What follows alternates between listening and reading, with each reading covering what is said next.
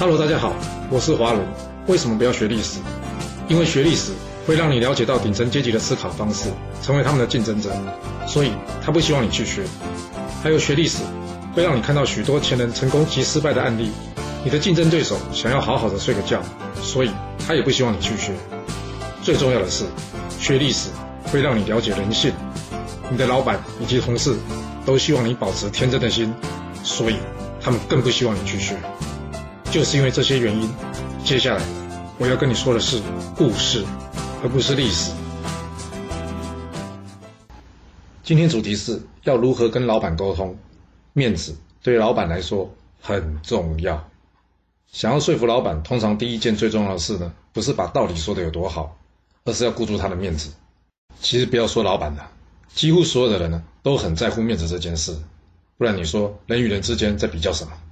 在我过去所学的沟通技巧中呢，大约将人分成四种类型。哪四种类型呢？就是决策型，也就是决策制定者；专家型，通常是在公司中资讯、会计或者法律人员；资源型，一般来说就是公司的 R&D 研发人员或是行政人员；最后一种呢，则是叫做梦想型，主要就是公司的业务或是行销人员。对于每一种人，你要用的沟通方式并不一样。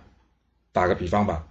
你走到手摇椅店的门口呢，有的人会选择买最高档的手摇椅，有的人呢会选择买今日有折扣或是 CP 值最高的手摇椅，有的人呢则是会选择买店长推荐或是大家都推荐的手摇椅，还有的人呢会选择最新或者是图片看起来最美丽的。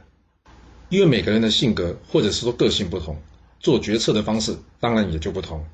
套句俗话说吧，就是什么见人要说人话。见鬼要说鬼话，那要是见到神了？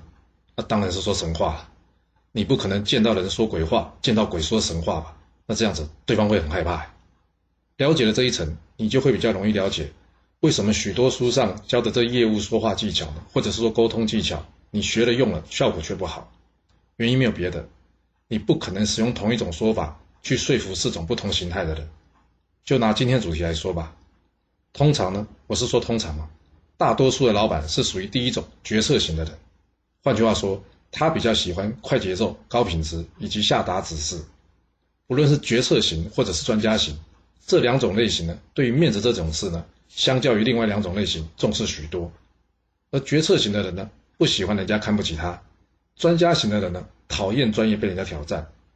那既然老板大多是决策型的，那你说今天的主题面子对老板来说很重要。是不是在沟通之前重中之重要知道的事呢？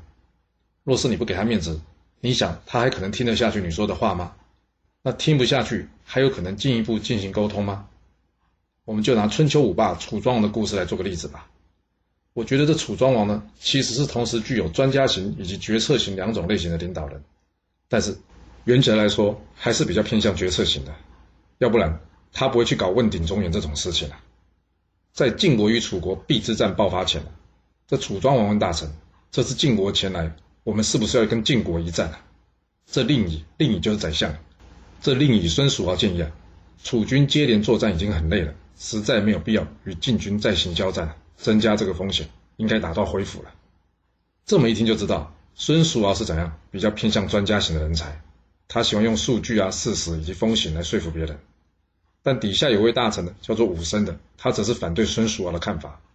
他认为，若楚军不与晋军交战，那这原先得到附庸的小国又会被晋国抢回去了。所以呢，应该要去修理晋国一下，顺便让这些小老弟们看一下楚国的拳头有多大。这句话显示，这武生呢，刚好是与孙叔敖几乎是完全相反的类型，也就是梦想型的人。那你说，楚庄王会听谁的呢？说实话。这两个人呢，都只给了楚庄王一个答案，而不是两到三个选项，这会让楚庄王很难决定。所以楚庄王决定了问一下现场所有大臣，他要现场大臣们各自表述意见，到底是要战还是要撤？结果六位老臣一致主张要撤，但是年轻的二十多位将领们则觉得一定要战。那你猜楚庄王听谁的？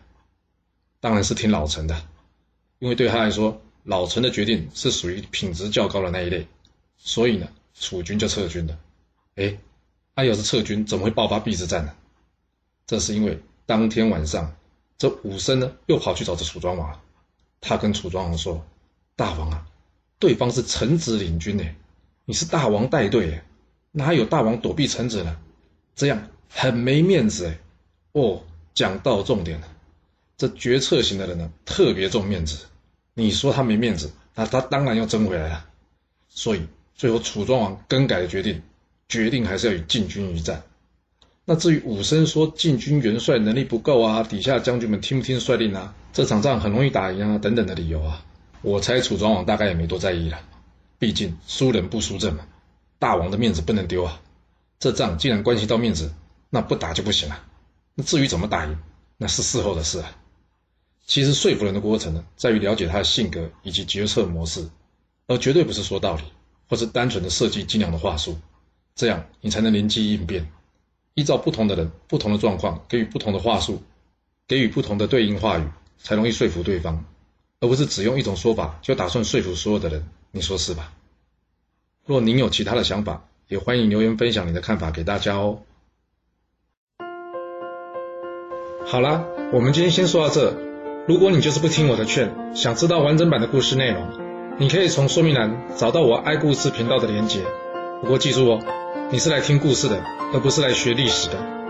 要是您喜欢这个频道，麻烦您动动您的手指，追踪、留言，或是给我五星评价的支持以及分享。